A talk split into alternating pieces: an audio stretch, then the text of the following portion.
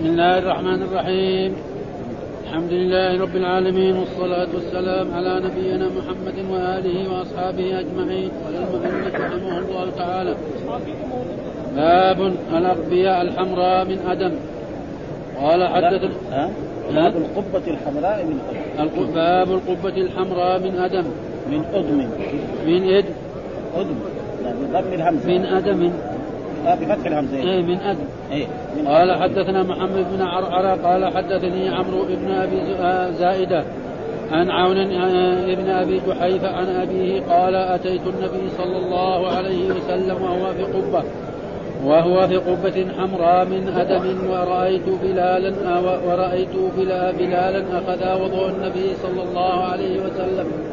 والناس يبتدرون الوضوء فمن أصاب منه شيئا فمسح به ومن لم يصب منه شيئا ومن لم يصب منه شيئا أخذها من, بل من بللية صاحبه. قال حدثنا أبو اليماني أخبرنا شعيب عن الزهري أخبرني أنس بن مالك. حول الإسناد وقال الليث حدثني يونس حدثني يونس عن ابن شهاب قال أخبرني أنس بن مالك رضي الله عنه قال أرسل النبي صلى الله عليه وسلم إلى الأنصار إلى الأنصار فجمعهم في قبة من أدم باب الجلوس على الحصير ونحوه. قال حدثني محمد بن أبي بكر قال حدثنا مؤتمر عن عبد الله بن سعيد عن أبي سلمة بن عبد الرحمن عن عائشة رضي الله عنها أن النبي صلى الله عليه وسلم كان يحتجر يحتجر حصيرا بالليل فيصلي ويبسطه بالنهار فيجلس عليه فجعل الناس يثوبون إلى النبي صلى الله عليه وسلم فيصلون بصلاته حتى كثروا. فأقبلا فقال أيها الناس خذوا من الأعمال ما تطيقون فإن الله لا يمل حتى تملوا وإن أحب الأعمال إلى الله ما دام وإن قل. باب المزرر بالذهب. وقال الليث حدثني ابن أبي مليكة عن المسور ابن مخرمة أن أباه مخرمة قال له يا يا بني إنه بلغني أن النبي صلى الله عليه وسلم قد قدمت عليه أقبية فهو يقسمها فأذهب بنا إليه فذهبنا فوجدنا فوجدنا النبي صلى الله عليه وسلم فوجدنا, فوجدنا النبي صلى الله عليه وسلم في منزله في منزله فقال لي يا بني ادعو ادعو للنبي صلى الله عليه وسلم فأعظمت فأعظمت ذلك فقلت أدعو لك يا رسول الله صلى الله عليه وسلم فقال يا بني إنه ليس بجبار فادعوه فدعوته فخرج وعليه قباء من من ديباج مزرر بالذهب فقال يا مخرم هذا هذا خباء هذا إخباء خبأناه خبأته لك فأعطاه إياه باب خواتم الذهب. قال حدثنا آدم حدثنا شعبة. قال حدثنا أشعث بن سليم قال سمعت معاوية بن سويد ابن سويد ابن مقر قال سمعت البراء بن عازب رضي الله عنهما يقول نهانا النبي صلى الله عليه وسلم عن سبع نهانا عن خاتم الذهب. أو قال حل حلقة الذهب حلقة الذهب وقال حلقة مفتوحة يعني حلقة. وقال حلقة الذهب وعن الحرير والاستبرق والديباج والمنفرة الحمراء والقسي وآنية الفضة وأمرنا بسبع بعيادة المريض واتباع الجنائز وتشميت العاطس ورد السلام وأجاب الداعي وأجاب الداعي وإبرار القسم ونصر المظلوم. قال حدثني محمد بن بشار قال حدثنا غندر حدثنا شعبة عن قتادة عن النضر ابن أنس ابن عن بشير ابن نهيك عن أبي هريرة رضي الله عنه عن النبي صلى الله عليه وسلم أنه نهى عن خاتم الذهب. وقال وقال عمرو أخبرنا شعيب عن قتادة سمع النضر. أخبرنا شعبه أخبرنا شعبة عن قتادة سمع النضر سمع بشير مثله.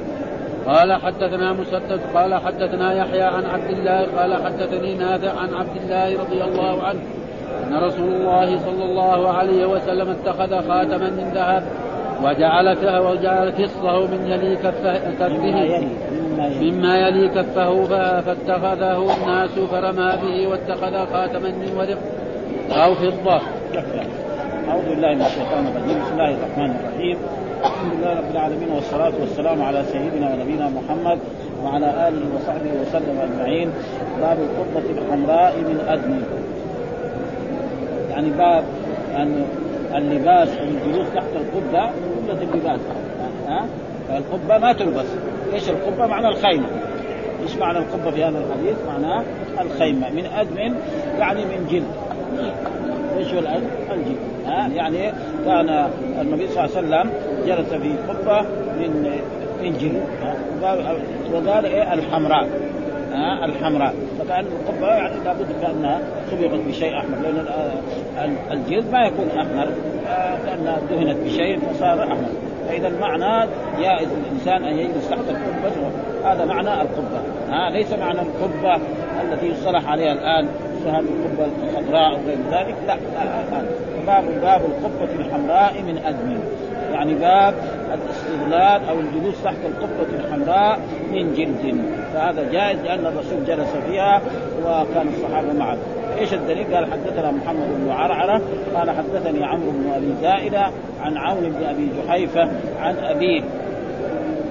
قال أتيت النبي صلى الله عليه وسلم وهو في قبة حمراء من آدم هذا محل الشاهد. هذا الذي يطابق الترجمة. ها؟ قال أتيت النبي وهو في قبة حمراء من آدم ورأيت بلالا آخر أخذ وضوء النبي صلى الله عليه وسلم والناس يبتدرون يبتدرون الوضوء. نعم فمن أصاب منه شيئا تمسح به ومن لم يصب منه شيئا أخذ من بلد يد صاحبه فيقول رأيت هذا الحديث ذكر الإمام البخاري كان في الصلاة. مر علينا في الصلاة وبوب عليه باب وجوب السترة في مكة. بوب عليه في صحيح البخاري في الصلاة باب وجوب السترة في مكة. و... وكان جلس في أن الرسول كان في البطحاء. يقول فخرج بلال ومعه نعم الرجل الذي يسمى هو يعني اللي يحط أمام هذا. ها؟ فوضعه الرسول ثم صلى رسول الله صلى الله عليه وسلم والناس يمرون من وراء السترة. من وراء ستره أخذ عصا غليظ كده ووضع أمام رسول الله صلى الله عليه وسلم وصلى بالبطحاء، البطحاء هو مكان يعني تقريبا قبل منى هذا. الأرض الواسعة دون قبل منى الذي يسمى السقاف والزاهر وغير ذلك. هذه تسمى البطحاء. فصلى الرسول هناك ووضع هناك ساقة وبور عليها باب وجوب السترة في مكة. يعني أن السترة بس ما تجب فين؟ عند الكعبة.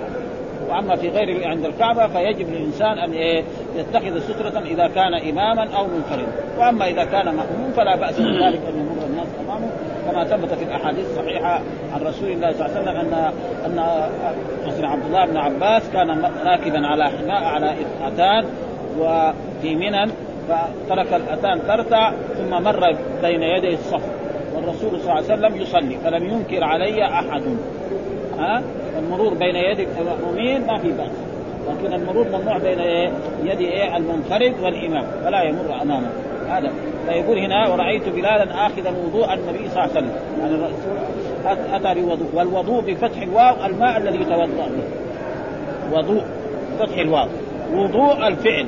غسل اليدين والمضمضة والاستنشاق وغسل الوجه ثلاثة واليدين مرتين. هذا يسمى وضوء. زي كذلك سحور وسحور. السحور الفعل. والسحور نفس الأكل اللي يأكل. الخبز والقدام ولا هذا هذا يسمى سحور. وكذلك هنا الوضوء الماء الذي يتوضأ. والناس يبتدرون يبتدرون الوضوء. يعني إيه؟ يعني يتدافعون على أخذ شيء منه فالرسول لما توضأ بقي في الإبريق قليل فيجي إنسان يأخذ قليل ويمسح وجهه أو يمسح وجهه أو يديه. هذا معناه يبتدعون الوضوء. ومن أصاب شيئا مسح به. ومن لم يصب منه شيئا أخذ من بلد يد صاحبه. وهذا فين وضع فعله الرسول صلى الله عليه وسلم. كان في إيه؟ في مكة. ها؟ كان هذا في مكة. وهذا دليل على التبرك بآثار الرسول صلى الله عليه وسلم. يعني يجوز للمسلم أن يتبرك بآثار الرسول صلى الله عليه وسلم كما ثبت في هذه الحديث. وكما ثبت في أحاديث مرت علينا أن الصحابة رضوان الله تعالى عليهم في غزوة يعني في الحديبية كان الرسول إذا تنخم نخامة وأراد يرميها في الأرض يأخذوها الصحابة ويمسحوا وجوههم وأيديهم وادبارهم وكذلك إذا تفل كذلك يفعل. وهذا يعني فعله الرسول مرات يعني عشان أما في في الحديبية لأجل يعلم قريش أنكم لا يمكن أن تصلوا إلى رسول الله محمد حتى يموتوا هؤلاء الجماعة.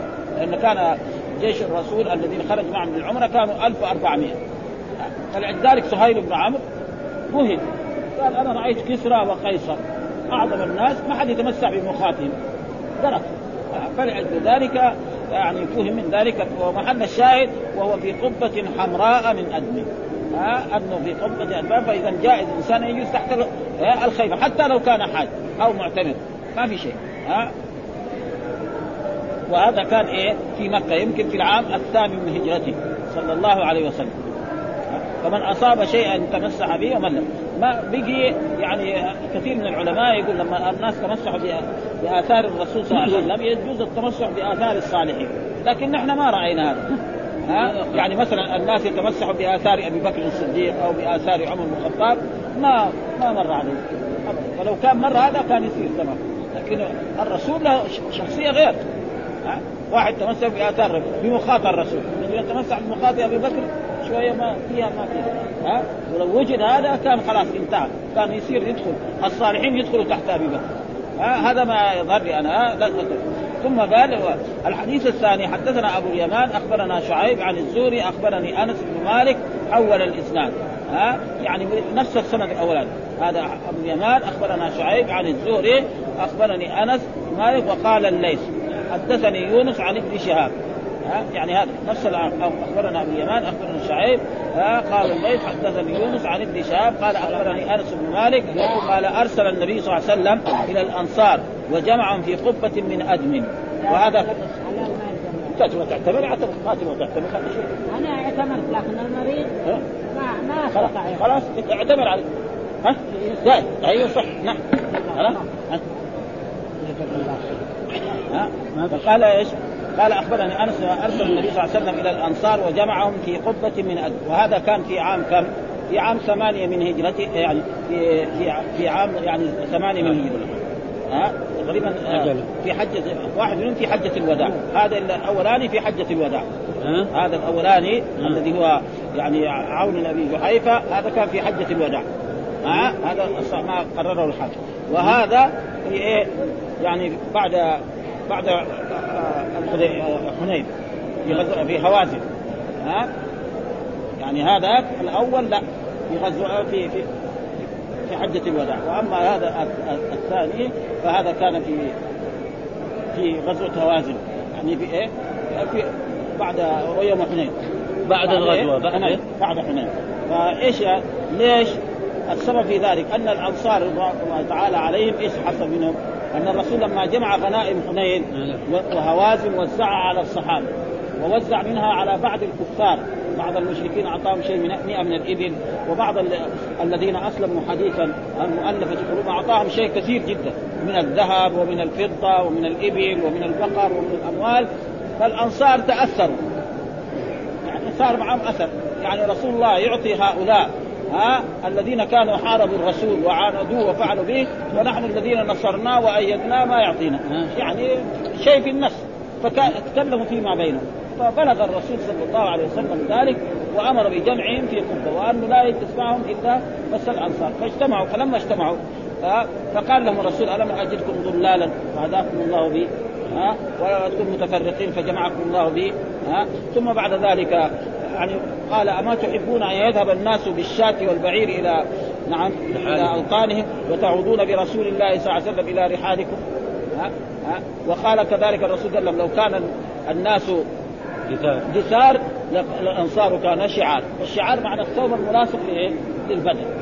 فرضوا ها فهذا معناه وكان هذا يعني في فلذلك ومحل الشاهد الذي له في هذا في قبة من أدم ها؟ هذا هو الرسول صلى الله عليه وسلم يعني اول كان في حجة الوداع وهذا وبينهم و... ويقول الحافظ قال هنا قبة حمراء. يعني القبة التي هي خيمة. في سنتين ما تتغير. هذا مثلا كان في سنة سبعة وهذا كان في سنة؟ ثمانية أو في أول سنة ثمانية وهذا في أول سنة في آخر سنة عشرة تقريبا يعني يمكن الخيمة ما تتغير ها؟ فهي نفس الخيمة الأولانية. يعني يريد الجمع أن الخيمة الأولى التي كانت في في في حنين هي الخيمة التي في حجه الوداع وتتوسع هذا وهذا وقال الليث تقريبا في نفس السند الأولاني الذي هو أخبرنا أبو اليمان أخبرنا شعيب وقال الليث حدثني يونس عن ابن شهاب. ثم ذكر باب الجلوس على الحصير ونحوه. باب الجلوس يعني جائز للإنسان أن يجلس على الحصير، إيش الحصير؟ هو الحصير ما يتخذ من السعف وما اشبهه. من سعف النخل. هذا هو الحصير. وهذا معروف موجود من قديم وحديث إلى الآن موجود. باب الجلوس على الحصير. فهل يجوز الجلوس على ونحوه؟ آه فالبساط له أن يجلس عليه. نعم. آه أي شيء من الأنشطة الموجودة؟ يدخل فيه الابسطه الموجودة الزرابي والمفارش وغير ذلك. فإذا فهم من ذلك ان أن ذلك يجوز الجلوس عليه، إيش الدليل؟ قال حدثنا محمد بن أبي بكر حدثنا معتمر عن عبيد الله عن سعيد عن أبي سلمة بن عبد الرحمن عن عائشة رضي الله تعالى عنها أن النبي صلى الله عليه وسلم كان يحتجز حصيرا بالليل فيصلي ويبسطه بالنهار فيجلس عليه وهذا محل الشاهد. ها يبسطه في النهار فيجلس عليه. لأجل هذه الكلمة ساق الحديث. يعني الرسول كان إيه؟ يجعل الحصير زي كأنه غرفة. كذا يكونه كذا ثم يجي يصلي. فالصحابة لما سمعوا الرسول يصلي جو من وراه هنا صاروا يصلوا كذلك. ها؟ فكان أول ليلة مثلا عشرة الليلة الثانية صاروا عشرين الليلة الثالثة صاروا ثلاثين كثر والظاهر أن هذا فعله الرسول. كان في رمضان ثم لما رآهم كثروا لم يخرج وترك ذلك اوان فقال يا أيها الناس فيصلون بصلاته حتى كثروا فأقبل. لما كثروا فأقبل عليهم فقال يا أيها الناس خذوا من من الأعمال ما تطيقون. هذا أن الرسول كان يصلي صلاة طويلة جدا. يمكن كان الصلاة مثل الذي كان يصليها في بيته فصلى وقد حصل ذلك أن رجلا من أصحاب النبي صلى الله عليه وسلم نام عند رسول الله صلى الله عليه وسلم فقام الرسول يصلي. فابتدأ الرسول بسورة بعد الفاتحة بسورة البقرة. فظن أنه إذا انتهى من سورة البقرة الرسول يركع. وإذا به أخذ كذلك آل عمران وأخذ النساء فقال لقد هممت. قالوا له التابعين هممت بايه؟ قال بطل من هذه الصلاة. هذه الصلاة ما تخلصنا. ها أربع أجزاء في ركعة.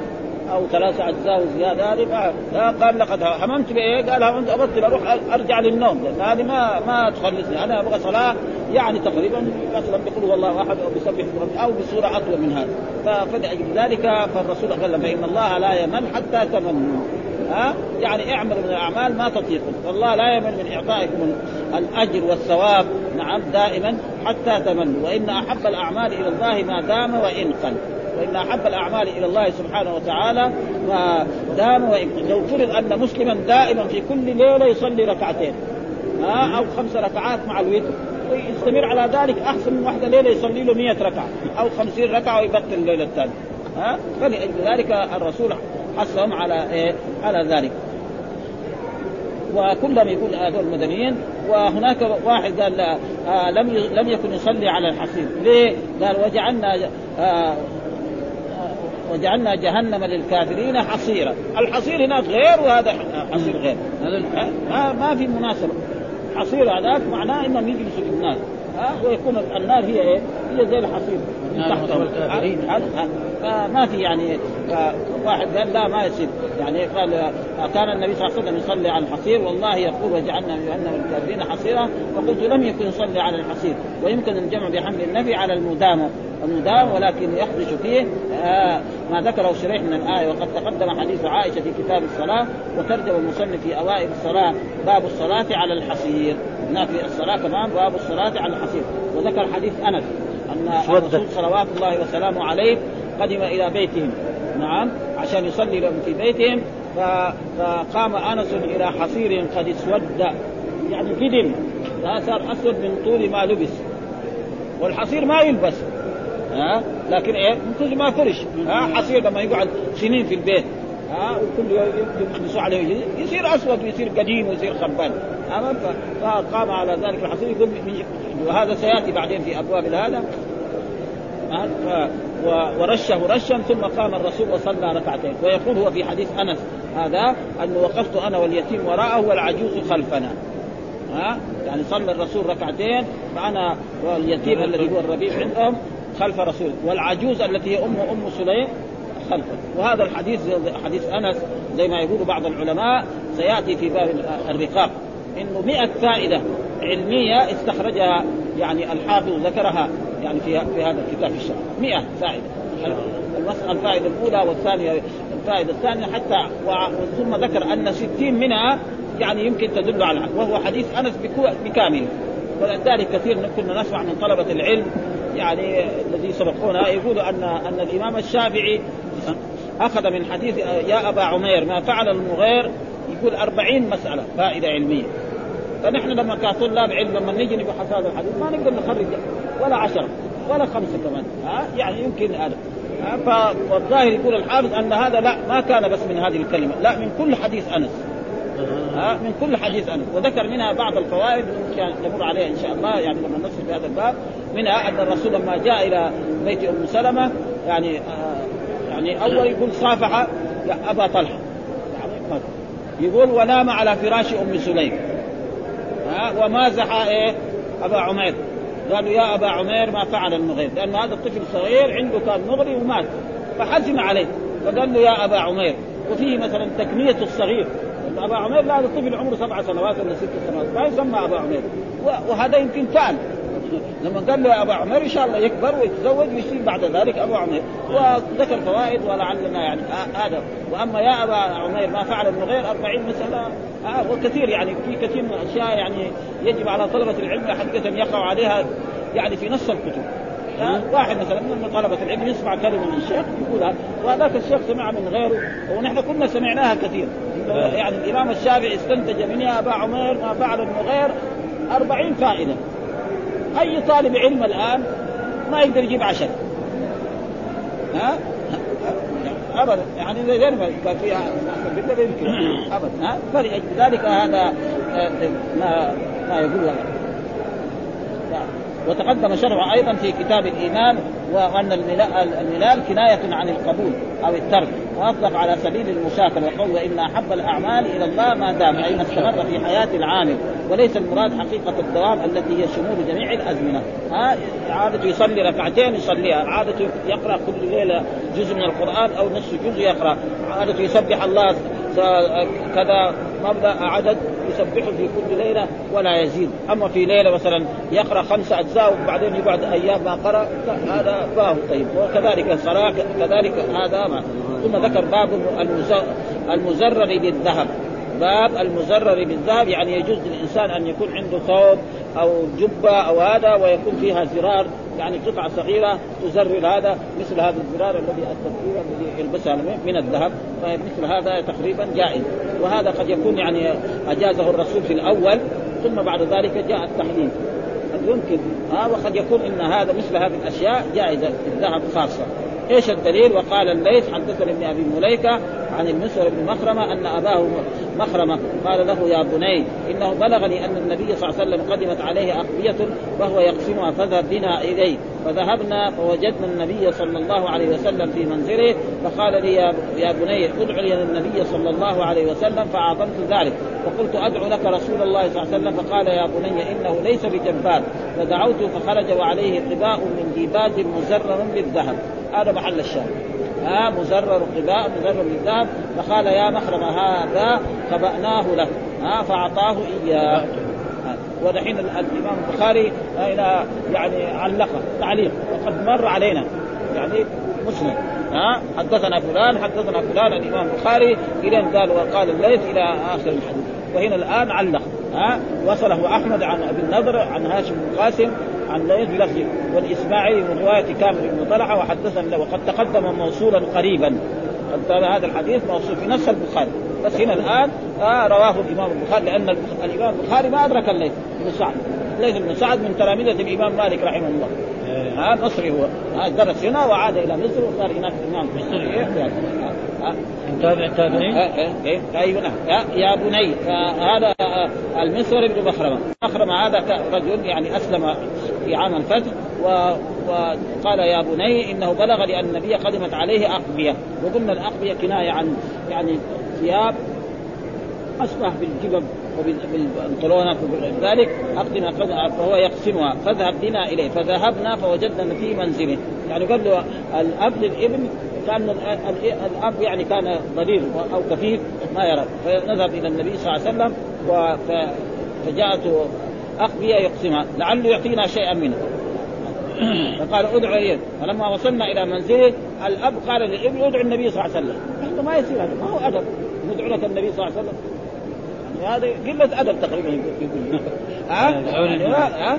ما هو صحيح إنه يدعى النبي لك أنت أنت رجل مسلم والرسول صلى الله عليه وسلم يدعى لك، انت تدخل عليه، قال له لا ما لك شغل، روح ادعو النبي صلى الله عليه وسلم فإنه ليس بجبار، رجل متواضع هذا، سيد المتواضعين رسول الله. لو دعا وقد ثبت مر علينا في الأحاديث أن الرسول يكون ماشي في الشارع فتأتي امرأة وتقول له يا رسول الله أنا أريدك. ويقف معها ربع ساعة أو نص ساعة يكلم في شأنه.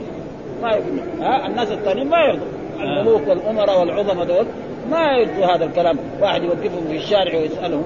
ابدا ها؟ فلذلك قال له هذا ما هو بجبار. هذا رسول الله صلى الله عليه وسلم سيد المتواضعين.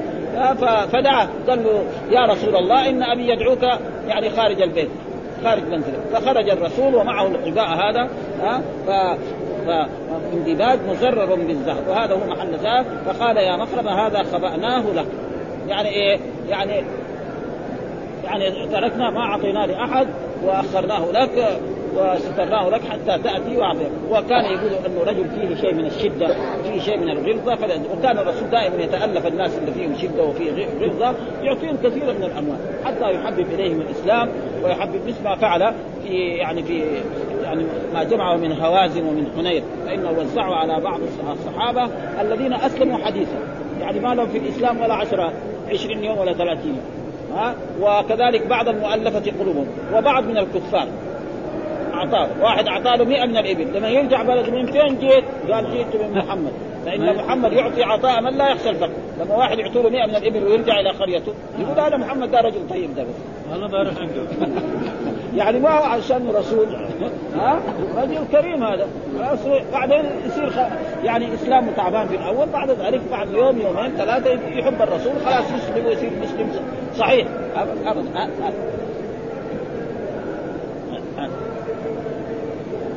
ويحتمل أن يكون بقى ويقول ولما وقع تحريم الحرير والذهب على الرجال لم يبقى في هذا حجة لمن يبيح شيئا من ذلك. قد يكون هذا قبل تحريم إيه؟ الذهب والفضة.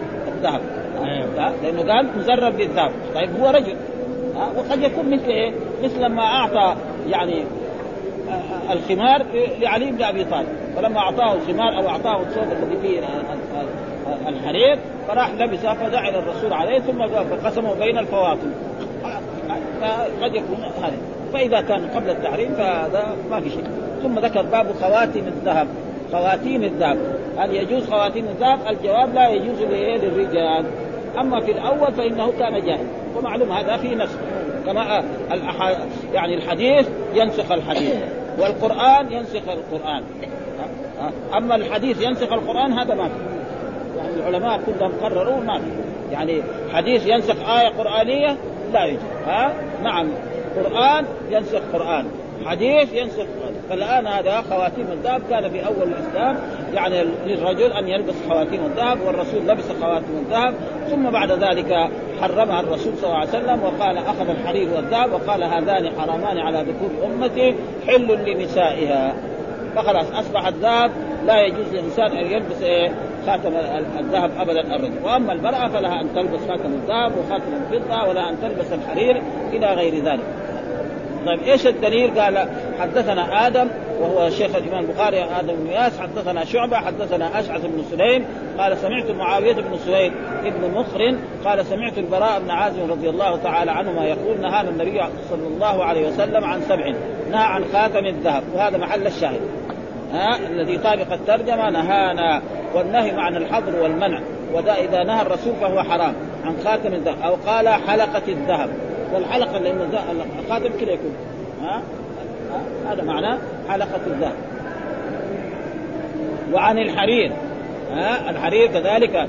والاستبرق والديباج. هذا كله نوع من أنواع الحرير. بس الاستبرق قد يكون هذا والديباج قد يكون اغلظ يعني في خفيف وفي متين والميسرة الحمراء. والميسرة الحمراء قلنا كناية عن إيه؟ كناية عن قطعة من القماش كده نعم توضع. يعني يصنعها النساء لرجالهم أو يصنعها مثلا الرجل الكبير أو العظيم إذا ركب يوضع السرج على فرسه يوضع تحت فوق السرج ويجلس عليه. ها؟ أو على على البعير.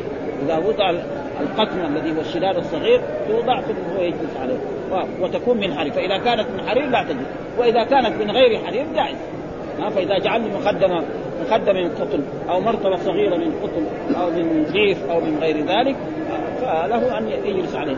سواء كان في البيت. وتقدم لنا هناك أن يقول كان النساء يصنعها يعني لأزواجهن.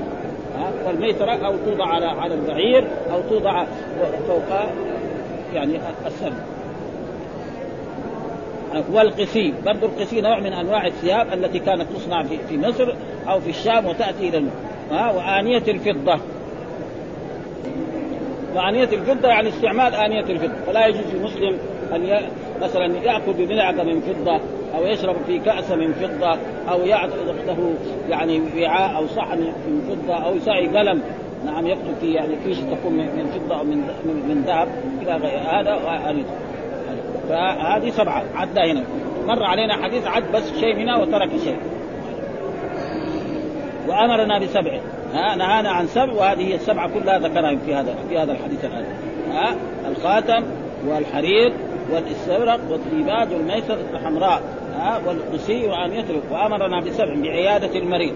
إذا مرض أخ مسلم ها ندب الرسول صلى الله عليه وسلم إلى عيادته. ها واتباع الجنازة. مات أخ مسلم لنا كذلك نتبع جنازته وقد جاء في ذلك من الآثار والأحاديث أن من تبع الجنازة حتى يعني يصلي عليها فله قيراط ومن تبع حتى تدفن فله قيراطان. وهذا القيراط كل قيراط مثل جبل أحد من الثواب ومن الأجر. فالإنسان لا يحرك في هذا هو تشميت العاطس. يعني إذا قال إذا عطس مسلم وقال الحمد لله نقول له يرحمك الله. وهو عليه أن يقول يديك الله ويصلح بالك. هذا كذلك اسمه وإذا ما قال يعني يترك. هذا الذي ورد في الاحاديث ها؟ ورد السلام. ورد السلام واجب. ها؟ وجاء حق المسلم على المسلم ست وقال إذا لقيته فسلم عليك. وإذا دعاك فأجب. وإذا استنصحك فانصح. وإذا يعني مرض فعد وإذا مات فاتبع جنازته. في مرة سته وفي مرة سبعة. وهذا كل ما ما يضير. وإجابة الداعي إجابة الداعي أي إنسان دعاك لوليمة أو لغير ذلك فيسن أما الوليمة فواجب.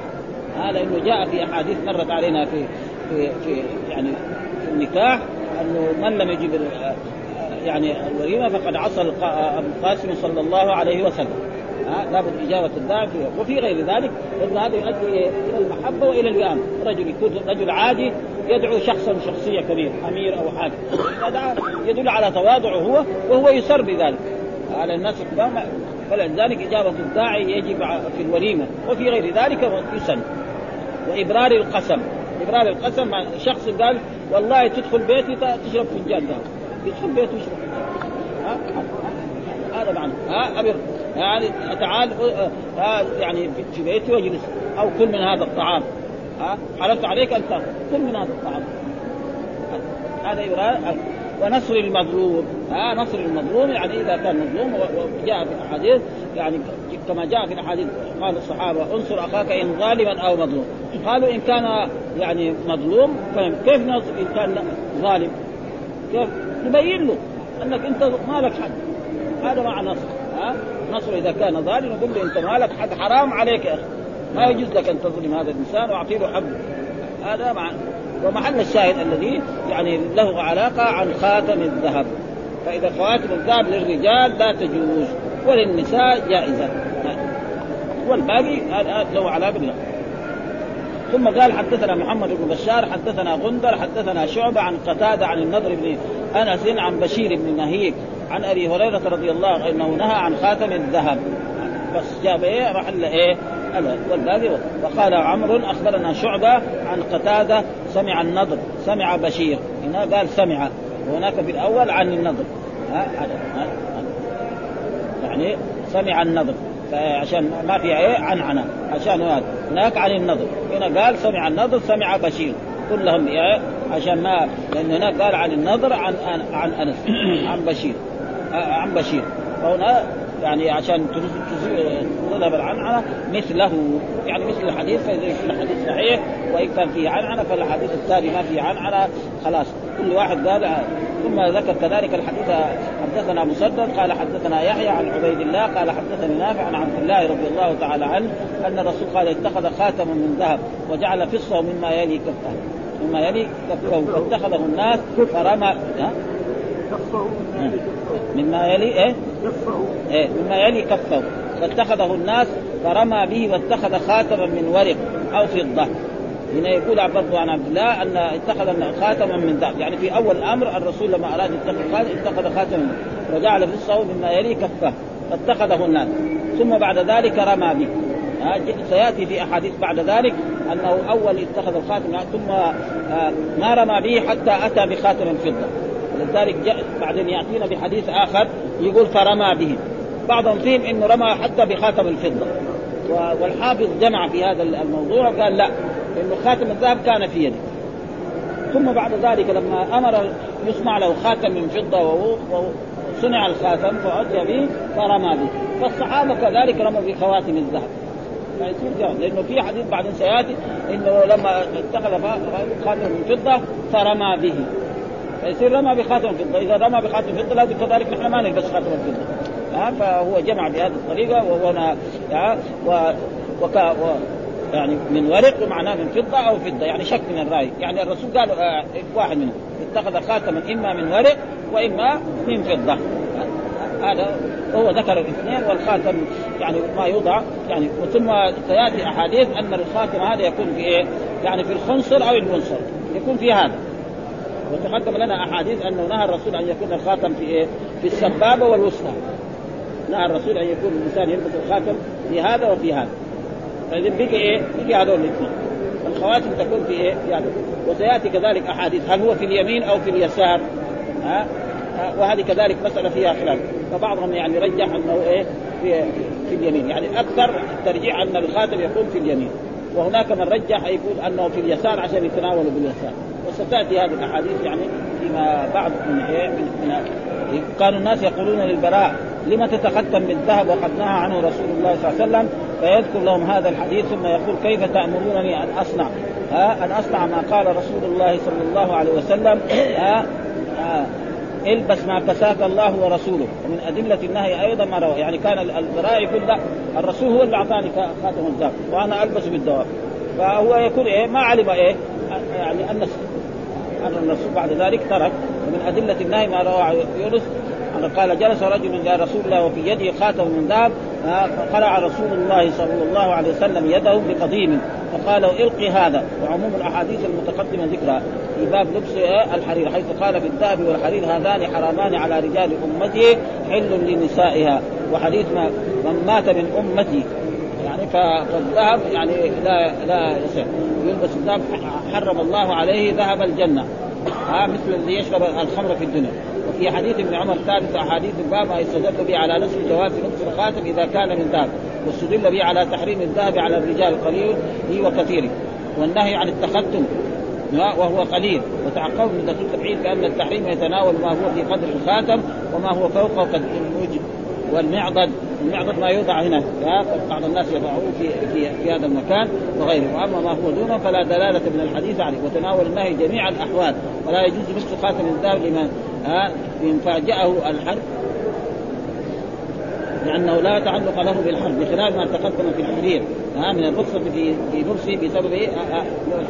بسبب الجرب ها كتبها بالحال.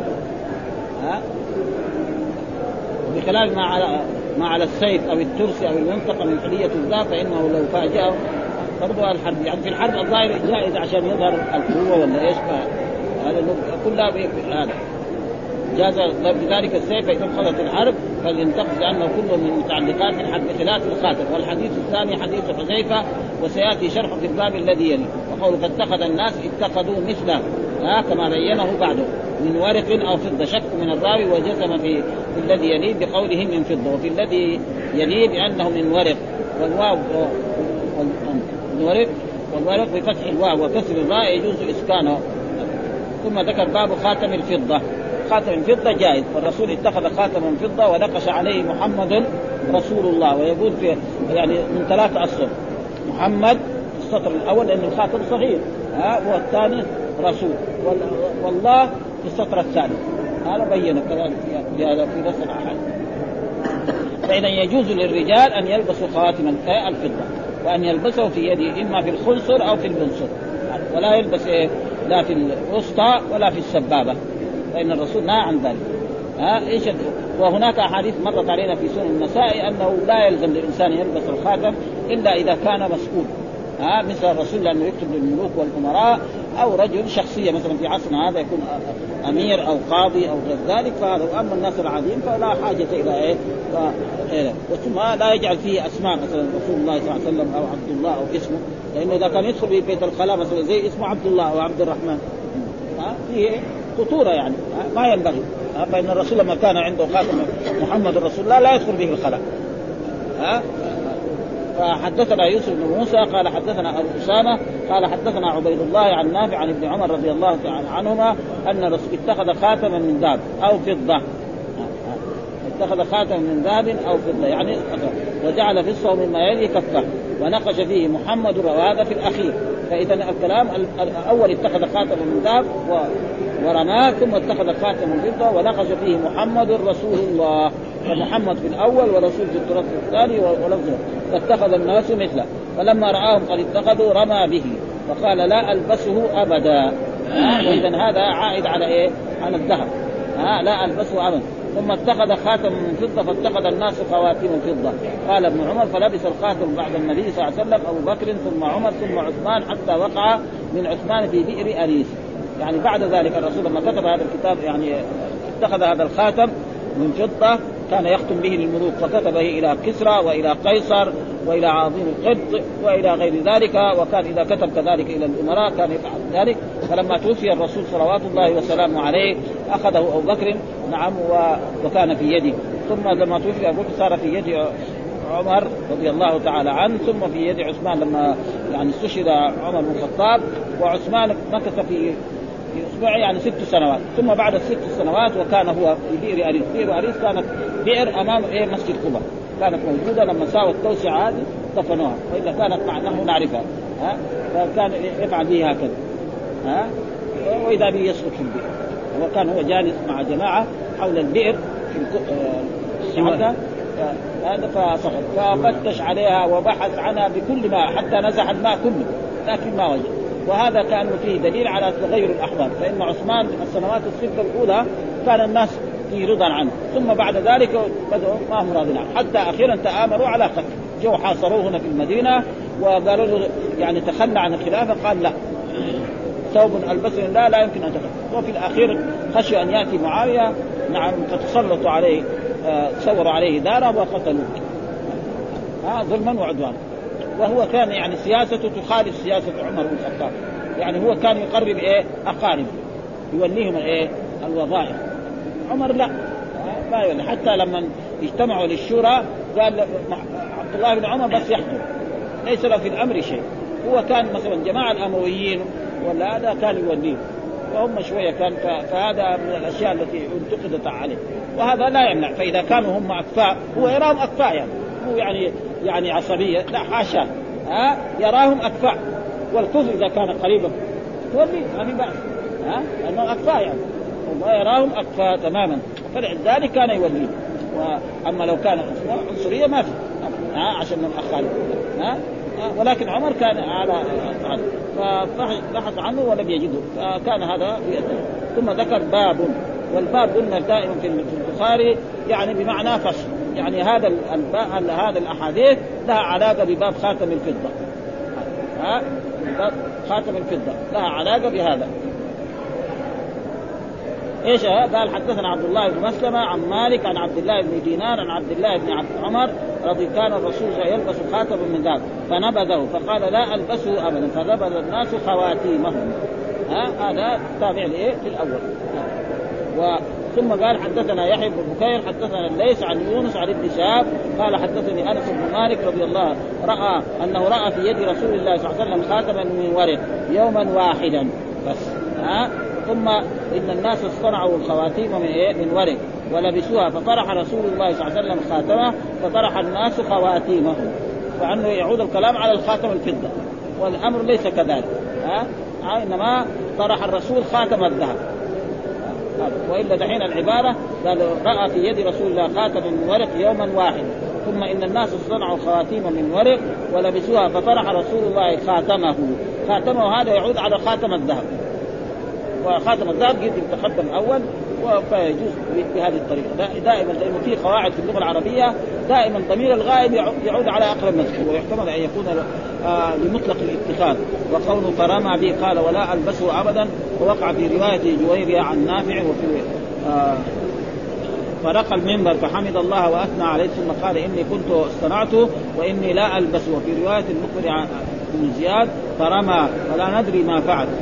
وهذا يحتمل أن يكون كرهه من أجل المشاركة أو لما رأى من زهوهم بلبسه ويحتمل أن يكون لكون من ذهب.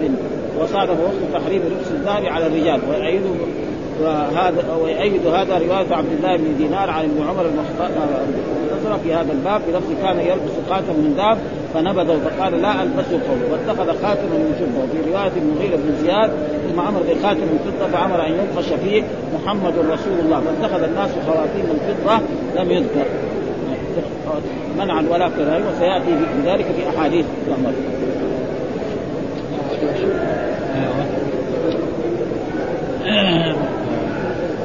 هنا يقول آه انه راى في يد رسول الله خاتم من ورق يوما واحد إن الناس اصطنعوا الخواتم من ورق فلبسوها فطرح رسول الله فطرح الناس خواتم. هكذا آه آه روي الحديث آه روى الحديث الزهري عن أنس. واتفق الشيخان على تخريجه من طريقه ونسب فيه إلى الغلط لأن المعروف أن الخاتم الذي طرحه النبي صلى الله عليه وسلم بسبب اتخاذ الناس مثله إنما هو خاتم الذهب كما صرح به في حديث ابن عمر. قال النووي تبعا لعياد قال جميع أهل الحديث هذا وهم من إيه من ابن شهاب لأن المطروح ما كان إلا خاتم الذهب وهذا كله يقع إبن شهاب شيخ المحدثين وعالم الحجاز كلهم فيهم مرات ها؟ ها؟ كل واحد لابد إيه؟ ينسى ويهم. فهذا الحديث وإن كان يقول لأنه يقول رمى بايه بخاتم الفضة. فهذا وهم من من السنة. وهذا كلام سليم يعني جدا. لأن المطروح ما كان إلا خاتم ومنهم من تأوله كما سيأتي. قلت وحاصل الاجوبه الثلاثه احدها قالوا أنه قال بعد أن ساق وإن كان هذا الخبر محفوظا فينبغي أن يكون تأويله انه اتخذ خاتم من ورق على لون من الألوان وكره أن يتخذ غيره مثله. فلما اتخذوا رمى به حتى رموا به. ثم اتخذ بعد ذلك ما اتخذه ونقش عليه ما نقش يختم به. ثانيا أنه أشار إليه الإسماعيلي أيضا أنه اتخذه زينه فلما تبعه الناس به رمى. فلما احتاج إلى الختم اتخذه ليختم به وبهذا جزم المحب الطبري بعد أن حكى قول المهلك وذكر أنه متكلم. والظاهر من حالب أنهم اتخذوها للزينة فطرح خا فطرح خاتمه ليطرحوا ثم لبسه بعد ذلك للحاجة إلى إلى الخد. واستمر ذلك وسيأتي جواب البيهقي في ذلك في باب اتخاذ الخاتم وخالف ابن شهاب رواية قتادة وثابت وعبد العزيز في كون الخاتم الفضة استقر في يد النبي صلى الله عليه وسلم يختم به ها يختم به الخلفاء بعده. فوجب الحكم للجماعة. وإن وهم الزهري فيه لكن قال قد يكون أن يتأول يمكن أن يتأول شهاب ما نفى عنه الوهم وإذا كان الوهم ظهر وذلك يحتمل أن يكون لما عزم على اقتراح خاتم الذهب اصطنع خاتم فضه بدليل أنه كان لا يستغني عن الخد على الكتب آه إلى الملوك وغيرهم من أمراء السرايا والعمال. فلما لبس خاتم الفضة أراد الناس أن يصطنعوا مثله فطرح عند ذلك خاتم الذهب فطرح الناس خواتيم الذهب قلت ولا يخفى وهي, آه وهي هذا الجواب والذي قاله الاسماعيلي أقرب المقصود يعني هذا نقرأ هذا الحديث. باب قص الخاتم. قص الخاتم يكون إيه؟ يكون في الداخل. ها؟ يكون من من من جوا. ما يكون من برا. هذا باب قص الخاتم. بالفاء بفتح الفاء. قال أخبرنا عبدان قال أخبرنا يزيد عن زريع قال أخبرنا حميد قال سئل عنه هل اتخذ النبي صلى الله عليه وسلم خاتم؟ قال أخر ليلة صلاة العشاء إلى شطر الليل ثم أقبل علينا بوجهه فكأني أنظر إلى وبيص خاتمه. يقول آه سئل أنس هل الرسول اتخذ خاتما؟ قال نعم. آه أخر ليلة صلاة العشاء إلى شطر الليل ثم أقبل فكاني أنظر إلى وبيص خاتم لأن الفضة تلمع. في الظلمة. ها؟ وكان مسجد متواضع ما في أنوار مثل هذه الأنوار وبيص خاتمه. قال إن الناس قد صلوا وناموا إنكم لن تزالوا في صلاة ما انتظرتموها ها ومعلوم أن الإنسان إذا كان أخر صلاة العشاء إلى ثلث الليل هذا أفضل. وقد فعل ذلك رسول الله صلى الله عليه وسلم مرة من المرات ولكن مع ذلك كان الرسول له عادة. فإذا رأى الصحابة اجتمعوا عجل بصلاة العشاء. وإذا راهم تأخروا اخر ولما فعل معاذ بن جبل طول في صلاة العشاء نعم قرأ من بقرة فاشتكاه ذلك قالوا إن هذا منافق. آه قال له أفتان يا معاذ أفتان يا معاذ إذا صليت بالناس فصل بالشمس والضحى والليل إذا يغشى وإذا صليت بنفسك. فلذلك قال إنكم لن تزالوا في صلاة ما انتظرتموها. فإذا جاء إنسان مثلا قبل الثلث من أول بعد العشاء قليل وبعد المغرب قليل وجلس وانتظر إلى الثلث فيكون في صلاة. وهذا موجود في أحاديث كثيرة أن المنتظر للصلاة كأنه في صلاة ما لم يحدث ها أو يؤذي. الحمد لله رب العالمين وصلى الله وسلم على نبينا محمد وعلى آله وصحبه وسلم.